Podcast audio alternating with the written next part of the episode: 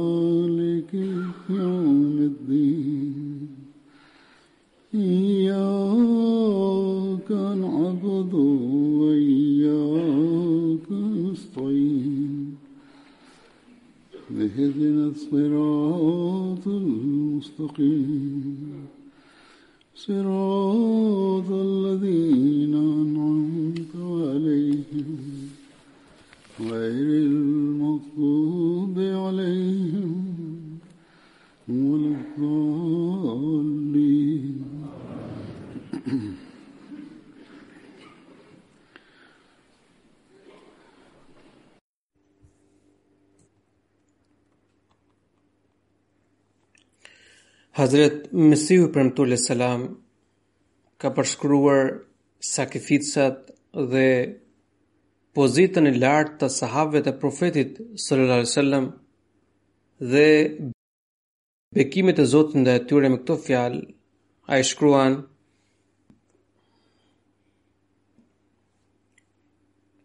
Hazret Abu Bekri radhiyallahu anhu dha gjithçka që i përkiste nga pasuria në rrugën e Zotit. Ai kishte mbetur vetëm me një batanie, por Zoti e shpërbleu pa mas. Ai e bëri mbret për mbarë Arabinë. Përmes tij, Zoti i dha islamit një frymë të re, e bëri Abu Bekrin radhiyallahu anhu mbizotërues ndaj arabëve kryengritës, dhe i dha aq shumë mbarësi dhe epërsi që askush nuk e kishte imagjinuar. Sinqeriteti, besnikëria, përullësia dhe dhembshuria e tyre janë shembullore për çdo musliman. Jeta e sahabëve është kaq e shkëlqyer që shembulli i tyre nuk mund të gjendet në ndjekësit e asnjë profeti tjetër. Me të vërtetë, derisa njeriu nuk paraqitet në oborrin e Zotit, duke u shkëputur tërësisht nga dëshirat dhe interesat vetjake, ai nuk përfiton asgjë. madje e shpie veten në humbje. Por, kur ndahet nga të gjitha dëshirat dhe qëllimet vetjake, dhe gjunjëzohet te pragu i Zotit, duke qenë i zbrazur materialisht, por i pastër shpirtërisht, atë e bekon Zoti. dhe i plotëson çdo nevojë. Megjithatë, kjo kërkon që robi të jetë i gatshëm për t'u flijuar në rrugën e Zotit dhe të pranojë trimërisht çdo poshtërsi dhe humbje për hir të tij. Pastaj Hazret Mesihu i Premtuar alejhi selam vijon duke shkruar, ai thotë Shiko, kjo botë është kalimtare, dhe askush nuk ka fituar përjetësi këtu. Megjithatë, kënaqësitë e saj i ndiejnë vetëm ata, që ia kanë kthyer shpinën për hir të Zotit. Prandaj, robi që përparon në afërsinë me Zotin, i shtohet fama edhe në këtë botë. Ndërkohë, të tjerët bëjnë çmos për të fituar një titull, për të zënë një karrige pranë njerëzve të oborrit apo shtresave të larta. Ai që gatitet për të sakrifikuar dhe për të humbur çdo gjë për hir të Zotit, fiton nderim dhe respekt nga gjithsecili. dhe i jepet një famë e posaçme. Hazrat Mesihu alejhi selam në këtë kuvend gjithashtu tha, ai u shpreh që njeriu që humbet sado pak për hir të pushteteve tokësore fiton nderim dhe vlerësime të posaçme. Mirëpo Nëse robi sakrifikon diçka për hir të Zotit, a nuk do të shpërblehet prej tij? Me të vërtetë, robërit e tillë nuk vdesin derisa të shpërblehen disa herë më tepër sesa kishin dhënë në rrugën e Zotit. Zoti nuk mban borxh prej askujt, por mjerisht Rrallë janë ata që e kanë zbuluar këtë realitet. Shembujt e sinqeritetit dhe besnikërisë të përulësisë dhe mirëdashjes së sahabëve janë aq madhështore saqë i ngjallin pafund çudi njeriut. Fuqia mbresëlënëse e të dërguarit të Allahut sallallahu alaihi wasallam jo vetëm që ua ndryshoi kryekëput kahjen e dashurisë, por ua lartësoi shkallën e dashurisë që nuk e kishin njohur më parë bota.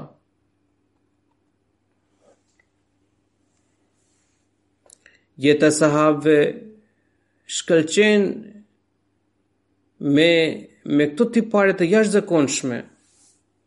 Sot dua të ndaj me ju disa shembuj nga jeta e, e sahabëve që tregojnë se ata ia kishin nënshtruar veten e tyre pëlqimit të Allahut.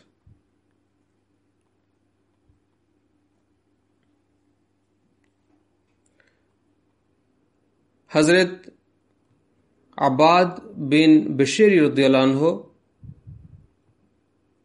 ishte një sahab medinas. Ai kishte rënë shahid në lulen në lulen e rinisë në moshën 35-vjeçare.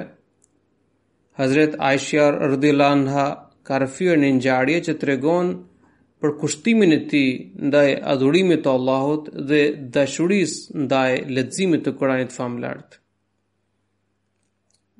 I dërguari i Allahut sallallahu alaihi wasallam zgjohej herët për namazin e tahajjudit. Një natë Kur u zgjua ai për t'u falur, dëgjoi tingujt e Kuranit nga drejtimi i xhamisë. Pra dëgjoi tingujt e Kuranit që që vinin nga nga drejtimi i xhamisë. Ai pyeti, e pyeti Aishën, "A mos është ky zëri i Abadit?" Aisha radhiyallahu anha u përgjigj që edhe asaj i dukej zëri i tij. Profeti alayhis salam u lut për të dhe tha, "O Allah, mëshiroje Abadin." Sa të lumtur ishin këta njerëz që gjallëronin netët e tyre në adhurimin e Zotit dhe në këndimin e Kuranit famëlart. Dhe kështu ata përfitonin drejtpërdrejt nga lutjet e profetit sallallahu alajhi wasallam. Ata zgjoheshin herët për të fituar pëlqimin e Zotit. dhe i përgjëroheshin për mëshirë. Në bazë të një ëndrre, Hazrat Abadi radhiyallahu anhu ishte i bindur se do të binte dëshmor. Hazrat Abu Sa'id al-Khudri radhiyallahu anhu ka rrëfyer një ngjarje që Abadi radhiyallahu anhu kishte parë në ëndërr që ishte hapur qielli dhe ai kishte hyrë brenda tij. Sa hyri brenda në qiell, ai u mbyll sërish. Kjo ëndërr e bindi atë që Zoti do t'i jepte shkallën e dëshmorit. Në betejën e Jemamës, duke luftuar trimërisht ai kishte rënë dëshmor. Dhe kështu ishte plotësuar dhe ishte përmbushur ëndrra e tij. Toga këmbësore e ansarëve ku bënte pjesë edhe Abadi radhiyallahu anhu, theu ushtrinë armike, mirëpo ai vetë u martirizua në këtë përpjekje. Ebu Saidi radhiyallahu anhu ka thënë që ai kishte marrë aq shumë plagë në luftë saqë nuk arrinim dot t'ia njihnim fytyrën dhe ai u identifikua vetëm pas zbulimit të një shenje në trup.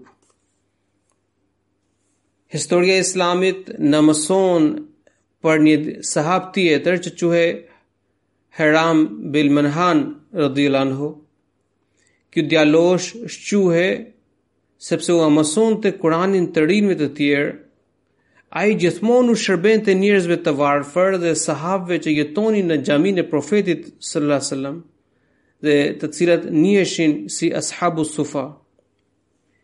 Njëherë erdhi një grup nga Beni nga nga fisi Beni Amir dhe i kërkoi profetit disa muslimanë që t'ua mësonin fenë islame.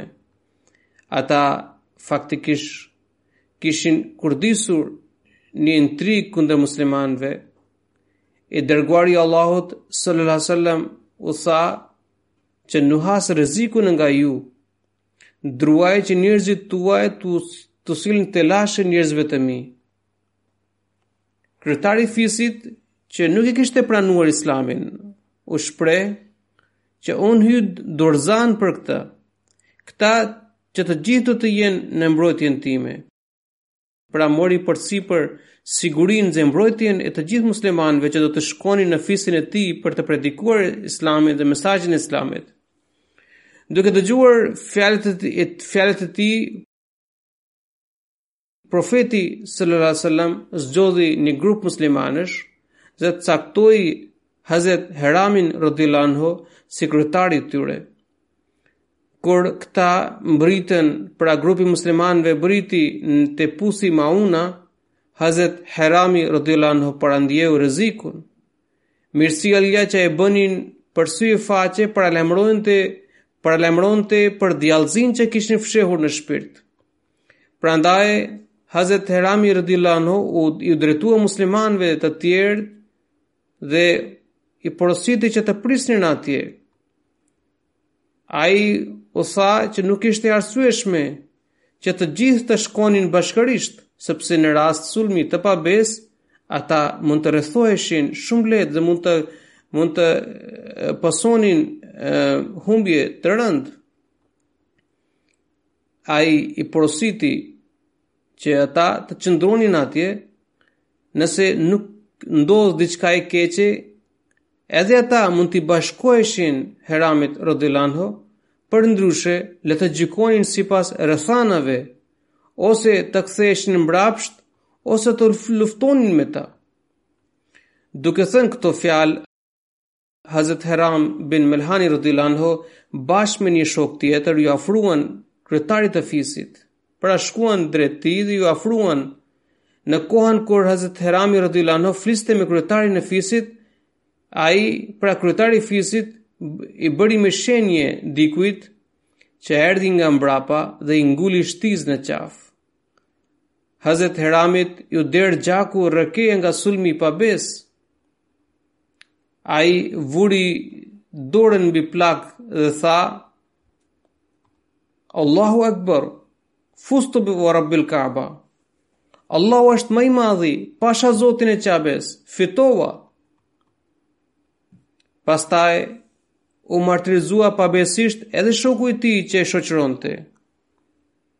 Pas këtyre vrasjeve U martirizuan barbarisht edhe 70 hafizë të tjerë.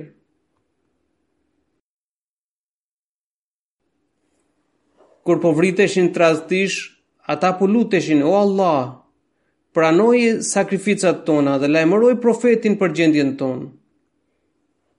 Hazret Xhibrili, Xhibrili a.s. ia përcolli profetit selamin e këtyre martirëve dhe ia tregoi atë që kishte ndodhur.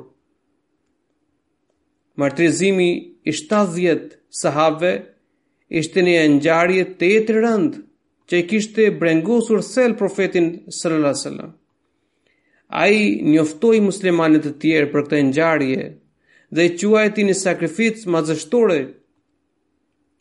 Profeti sallallahu alajhi wasallam u lut 30 ditë rresht kundër këtyre fiseve dhe i kërkoi Zotit ndëshkimin e tyre.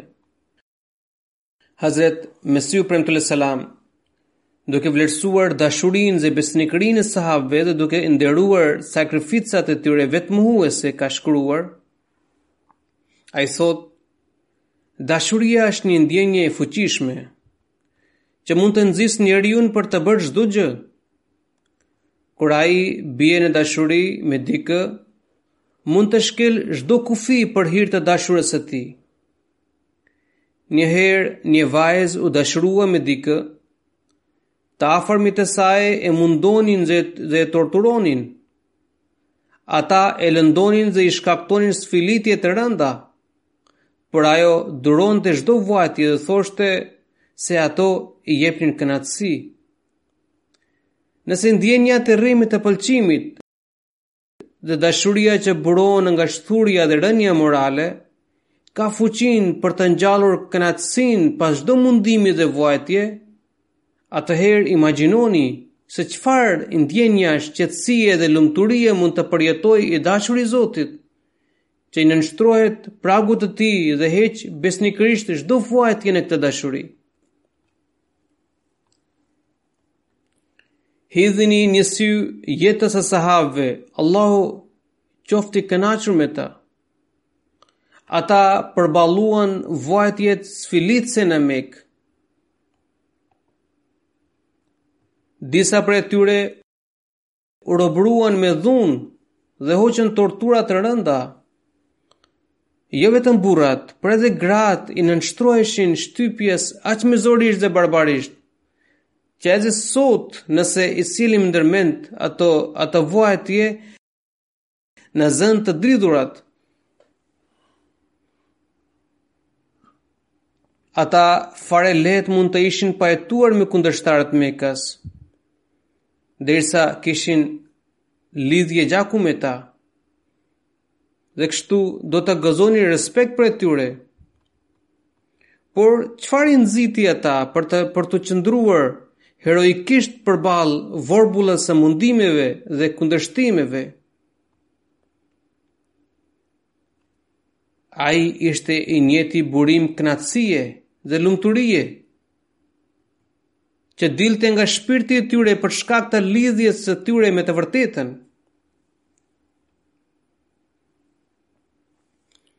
Hazret Mesihu i Premtuar alejhi selam, duke iu referuar kësaj ngjarjeje në një vend tjetër, ka shkruar, ai thotë, është përmendur që një sahabiu kur ia prenë dorën, ai u shpreh se tashmë po po marr abdes.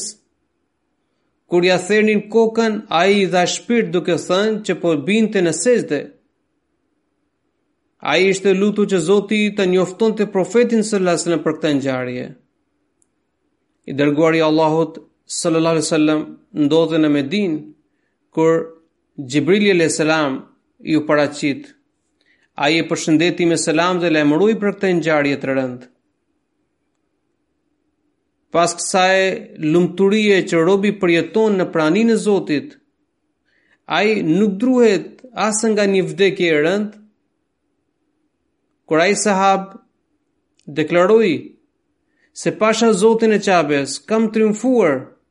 Në atë çast ai kishte arritur kulmin e dashurisë. Prandaj për një besimtar fatkeqësitë më të rënda bëhen të lehta. Me të vërtetë besimtari dallohet nga të tjerët, sepse ai gjithmonë është i gatshëm për t'u flijuar. Kur kërcënohet dikush për t'u bërë krishterë apo për t'u vrarë, duhet parë se çfarë i thotë ndërgjegjja. A e pranon vdekjen apo pranon apo pranon për t'u bërë i krishterë? Nëse pranon dhe parapëlqen vdekjen, atëherë qenka besimtar, Përndryshe është mohues. Fatkeqësitë që bien mbi besimtarët përmbajnë edhe kënaqësi. Po të mos ishte, po të mos ishin kënaqësi këto sprova. Përse do t'u zgjate të dërguarve aq shumë vuajtja? Dhe kaq shumë shtjella e vështirësive. Fuqia shpirtërore e të dërguarit të Allahut sallallahu alaihi wasallam u kishte ngjallur sahabëve një frymë të tillë që edhe ata dhanë edhe shpirt duke duke thënë pasha Zotin e Qabes fituam. Këta njerëz bënin vepra të mira dhe ishin viktimë të mizorisë. Ata luftonin kundër tiranisë por kurrë nuk silleshin me, me mizori. Hazret Abdullah bin Amru radiallahu anhu ishte një sahab ansari, pra ai ishte i Medinës. Para se të nisej në luftën e Uhudit, ai iu drejtua djalit të tij dhe tha së pari do, do të martirizohem unë. Pra duket sikur kishte marrë një kishte parë një ëndër ose ishte njoftuar nga Zoti që ai do të martirizohej në në në në këtë luftë. Pra ai iu drejtua djalit të tij dhe i tha që ai do të martirizohej në këtë luftë. Prandaj kujdesu për motrat e tua pas meje. Kam marrë borxh nga një hebre, shlyejani borxhin nga të ardhurat e hurmave.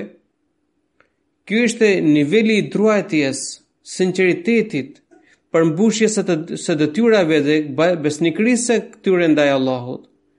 Ai po nisej për luftë, por nuk e tre, nuk e tremte vdekja. Madje nga zëllehej se do të bjerë dëshmor. Ai nuk shqetësohej as për vajzat e tij, madje i mbështeti vetëm te Zoti. Porositi që porositi që djali të kujdesej për to, si më i madhi i familjes. Ai shqetësohej për borxhin që kishte marrë, prandaj la amanet që ai të shlyhej nga pra borxhi të shlyhej nga nga të ardhurat e hurmave. Pra nuk deshi të të rëndojë djalin e tij për detyrimet e tij financiare. Madje e bëri të qartë se mund të merrte pjesë nga trashëgimia vetëm pas shlyerjes së, së borxhit. Allahu pranoi sakrificën e Abdullahut radhiyallahu anhu. Kur i dërguari i Allahut sallallahu alaihi wasallam gjeti djalin e tij të pikëlluar pas martirizimit të të atit, Ai e ngushëlloi duke thënë, "Do të të jap një myzhde." Kur shpirti i babait tënd iu paraqit Zotit dhe u ul përballë tij, Zoti i tha, "Kërko çfarë ta do zemra dhe unë do ta plotësoj dëshirën tënde." Hazret Abdullahu radhiyallahu anhu iu përgjigj, "O Allah, unë si të kërkoj ty diçka kur nuk kam përbushur kur unë nuk kam përmbushur detyrat e mia ndaj teje. Është vetëm mirësia dhe mëshira jote, ndryshe unë nuk meritoj asgjë. Por nëse më pyet për dëshirën, unë dua që të që të më kthesh në botë dhe të luftoj bashkë me të dërguarin me të dërguarin tënd Dhe të bie dëshmor edhe një herë. Allahu iu përgjigj se unë kam vendosur që atij që ia marr shpirtin një herë nuk e kthej sërish në dunja.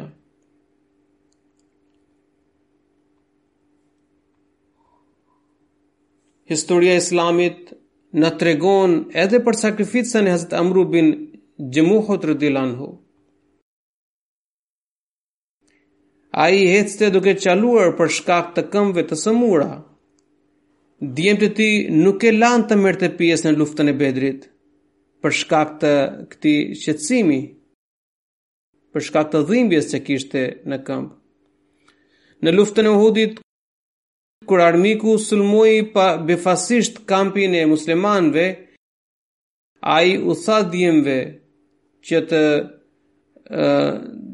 të tij dhe u tha që bëni si të doni. Unë do të shkoj patjetër në luftë. Ai shkoi te profeti sallallahu alaihi sallam dhe i tha që djemtë e tij nuk duan që të që ai të merrte pjesë në luftë. Ndërsa ai donte të bashkohej me, me ta, në këtë xhihad. Dhe ai tha pasha Allahun jam i bindur që ai do të më plotësojë dëshirën dhe do të më mundësojë të vdes si dëshmor e të hyj në xhenet me këmbët të sëmura.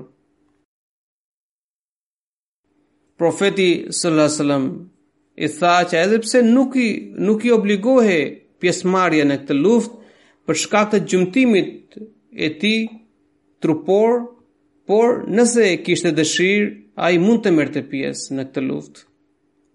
Profeti u tha edhe djemve të tij që të mos pengonin. Hazret Amru luftoi si trim dhe gjithnjë lutej që o Allah, më mundëso të vdes si dëshmor e të mos kthehem në shtëpi si i dështuar dhe i humbur. Zoti ia plotësoi dëshirën dhe ai u martirizua në fushbetejën e Uhudit secili nga sahabët e të dërguarit të Allahut sallallahu alaihi wasallam gjendej në shkallën më të lartë të besimit dhe bindjes. Ata kishin ushqyer shpirtin me devotshmëri, besnikëri dhe ndjenjat vetëmohuese për hir të Zotit. Nuk i trembte asnjë sakrificë në rrugën e Zotit.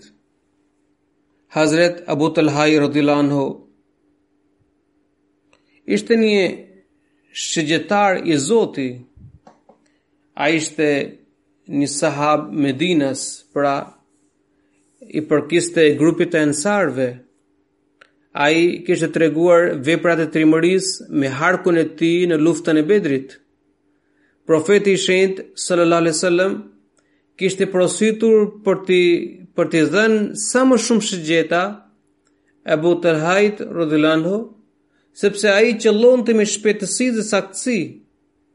Në luftën e Uhudit ai qëndroi para profetit sallallahu alajhi wasallam si një mburoje për të pritur çdo shigjetë që drejtohej nga ai. Dhe ai në këtë mënyrë priste çdo shigjetë me me dorën e tij. Hazret Abu Talha radhiyallahu anhu ishte ensar, pra medinas, dhe tregoi trimërinë e tij duke qëndruar burrërisht para profetit sallallahu alajhi wasallam. Ai ishte luftëtar i pafrikshëm që parapëlqente të qëndronte në pozita më sfiduese dhe më të rrezikshme të luftës.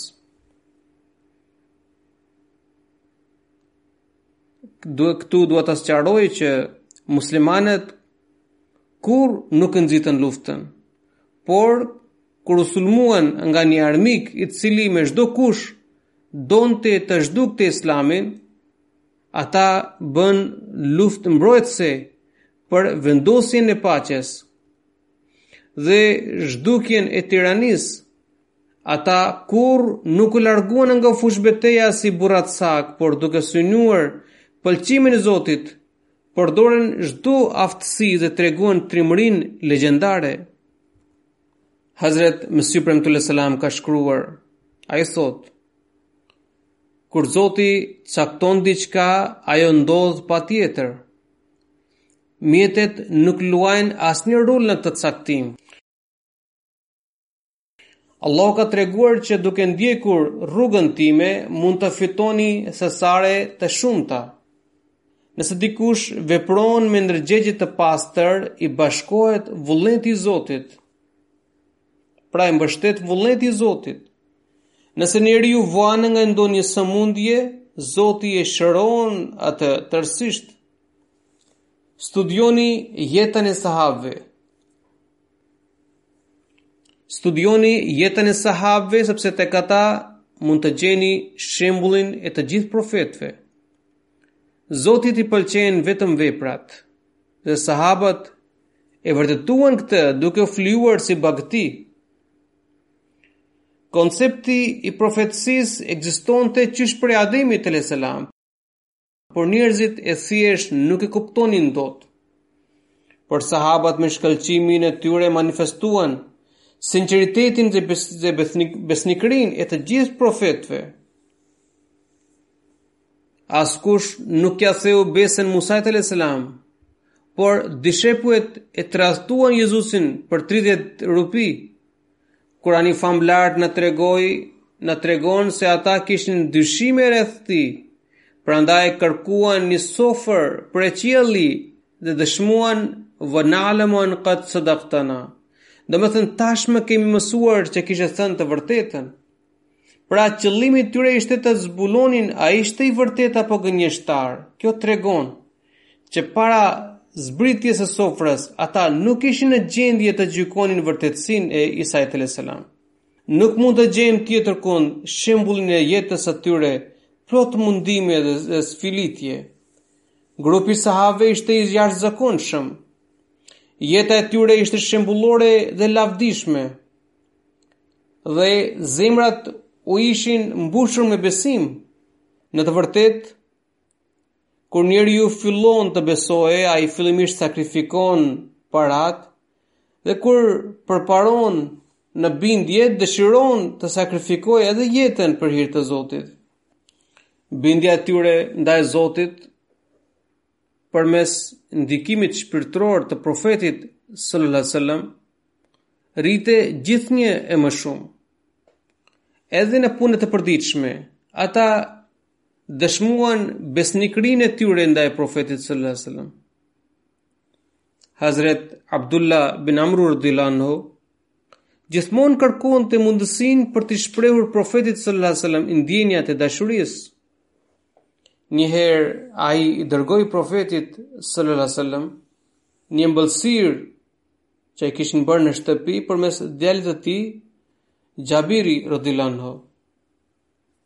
Kur u kthye Xhabiri nga shtëpia e Profetit sallallahu alaihi wasallam duke i dhënë ëmbëlsirë, Hazret Abdullahu e pyeti atë se çfarë i kishte thënë Profeti.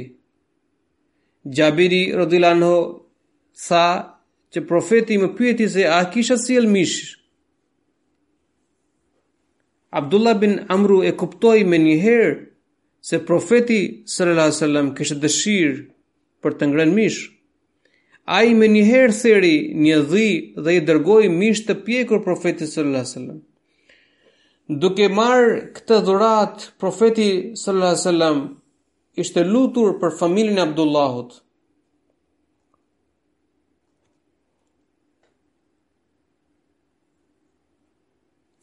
Fillimisht sahabët hasnin vështirësi të mëdha për të përçuar mesazhin e Islamit tek të afërmit e tyre. Nëse djali kishte pranuar Islamin, babai e mohonte. Nëse vetëm një anëtar kthehej në Islam, ai duhet të përballonte kundërshtimin e gjithë familjes. të cilët e ngacmonin në lloj-lloj mënyrash.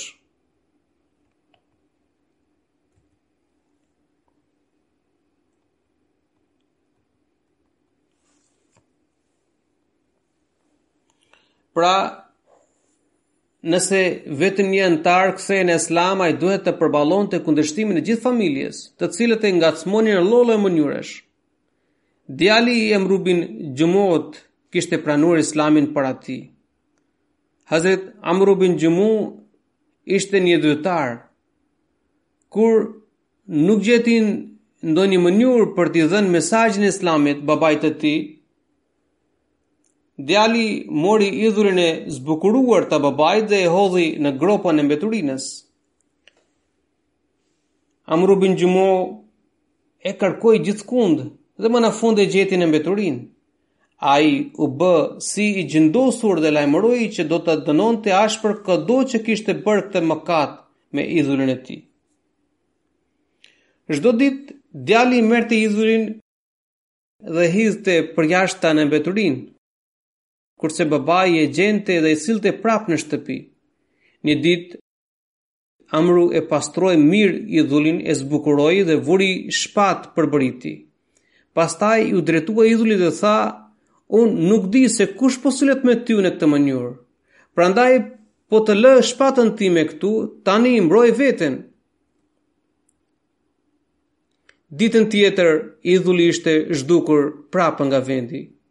Kur e kërkoi, e gjeti të varur në qafën e një qeni të ngordhur.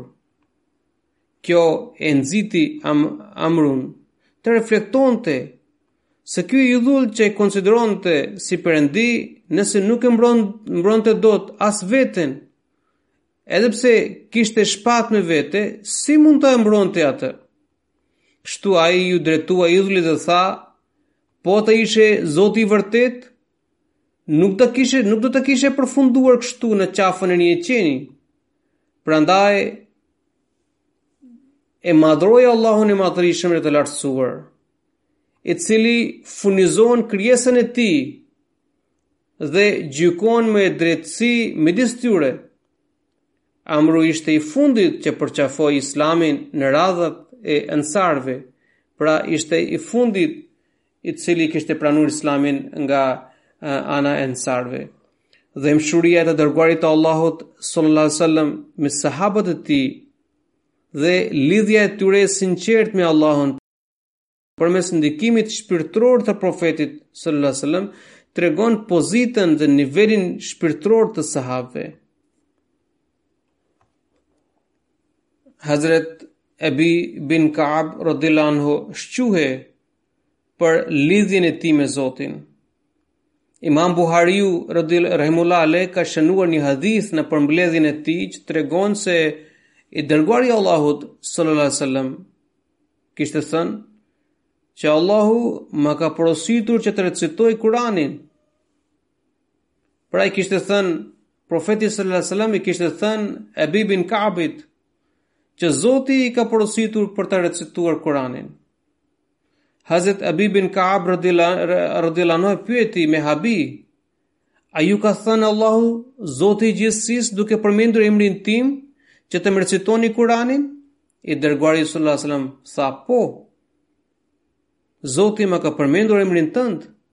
Abi bin Ka'ab radhiyallahu anhu i pushtuar nga ndjenjat e fuqishme, nisi të qajë. Pastaj i dërguari i Allahut sallallahu alaihi wasallam ia recitoi suren Al-Bayyina. Një herë dikush e pyeti Abi bin Kabin se si ishte ndier kur i dërguari i Allahut sallallahu alaihi wasallam i tha këto fjalë. A ishte i lumtur duke dëgjuar fjalët e tij. Ai u përgjigj se derisa Allahu na ka porositur për t'u ngazëllyer duke parë mëshirën dhe mirësinë e tij, prandaj si të mos gëzohesha. Abi bin Kabi radhiyallahu anhu kishte njohuri të gjerë rreth botëkuptimit të Kuranit. Njëherë i dërguari i Allahut sallallahu alaihi wasallam Pyeti se cili është ajeti më madhështor i Kuranit. Abi bin Ka'bi radhiyallahu anhu fillimisht u shpreh që Zoti dhe i dërguari i tij dinë më së miri. Por kur profeti sallallahu alaihi wasallam e kërkoi me ngulm, ai u përgjigj se është ajeti i kursiut. Profeti sallallahu alaihi wasallam shprehu kënaqësinë e tij dhe tha: "O Abi, Allahu ta bekoftë dijen." Me të vërtetë, ajeti i Kursiut është ajeti më madhështor i Kuranit. Sipas një transmetimi, Në Ramazanin e fundit të jetës së tij, i dërguari i Allahut sallallahu alaihi wasallam përfundoi leximin e Kuranit me Ebi bin Kabin. Sipas porosisë së Umerit radhiyallahu anhu, ai ua mësonte Kuranin të tjerëve dhe u shpjegonte tefsirin e tij, kuptimin e tij. Këta ishin sahabë të shkëlqyer të profetit sallallahu alaihi wasallam. të cilët përparuan në mënyrë graduale dhe përfundimisht arritën në pozitën më të lartë. Mesihu i Premtuar alejhi selam ka shkruar në një vend që zhvillimi gjithmonë bëhet në mënyrë graduale, pra duhen kaluar disa faza për të arritur përparimin e vërtetë. Ai ka thënë që zhvillimi gjithmonë bëhet në mënyrë graduale, prandaj edhe sahabët kaluan fazat e zhvillimit shkallë shkallë. I dërguari i Allahut sallallahu alaihi wasallam donte t'i shikonte ata në shkallën më të lartë të zhvillimit. Por kjo lartësi, pra kjo shkallë varet në një kohë të caktuar. Pra, duhet të kalonin fazat e zhvillimit derisa të arrinin në këtë pikë. Dhe ata përfundimisht arritën atë që nuk kishte, nuk kishin imagjinuar të tjerët, pra ata arritën atë lartësi shpirtërore dhe morale që nuk kishin imagjinuar të tjerët para tyre. Hazret Mesihu i Premtuar alejhi selam përshkruan gjendjen e sahabëve me këto fjalë. Ai shkruan: Nëse vështrojmë gjendjen e sahabëve, i gjejmë njerëz të thjeshtë e të dëlirë. Shpirti i tyre ishte i pastër si një enë e kristaltë, së cilës i janë hequr njollat. Zemrat e tyre rezatonin zemrat e tyre rezatojnë dritën e fjalës së Zotit, ndërsa brendësia e shëndritshme është e kthjellët nga ndryshku i hipokrizisë.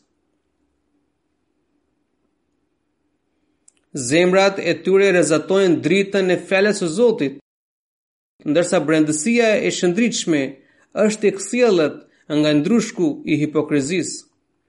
Ata ishin mishërim i fjalëve kuranore, qad aflaha man zakaha, domethënë ai që e pastroi shpirtin, ka fituar. Ata manifestuan shembullin më të shkëlqyeshëm të sinqeritetit. Ata nuk hoqën dorë vetëm nga idhujtaria dhe adhurimi i krijesës, por u ishte ftohur dhe dashuria e kësaj bote. Ata tashmë e shikonin Zotin dhe ndiqnin rrugën e tij me aq shumë zell, sikur secili prej tyre ishte Ibrahim. Nëse i dërguari i Allahut sallallahu alaihi wasallam i ngjante trupit, sahabët e tij ishin gjymtyrë. Allahu na mundësoftë të kuptojmë ashtu siç duhet pozitën e sahabëve dhe duke përvetësuar shembujt e tyre të shtojmë dëlirësinë dhe besnikërinë tonë. Amin.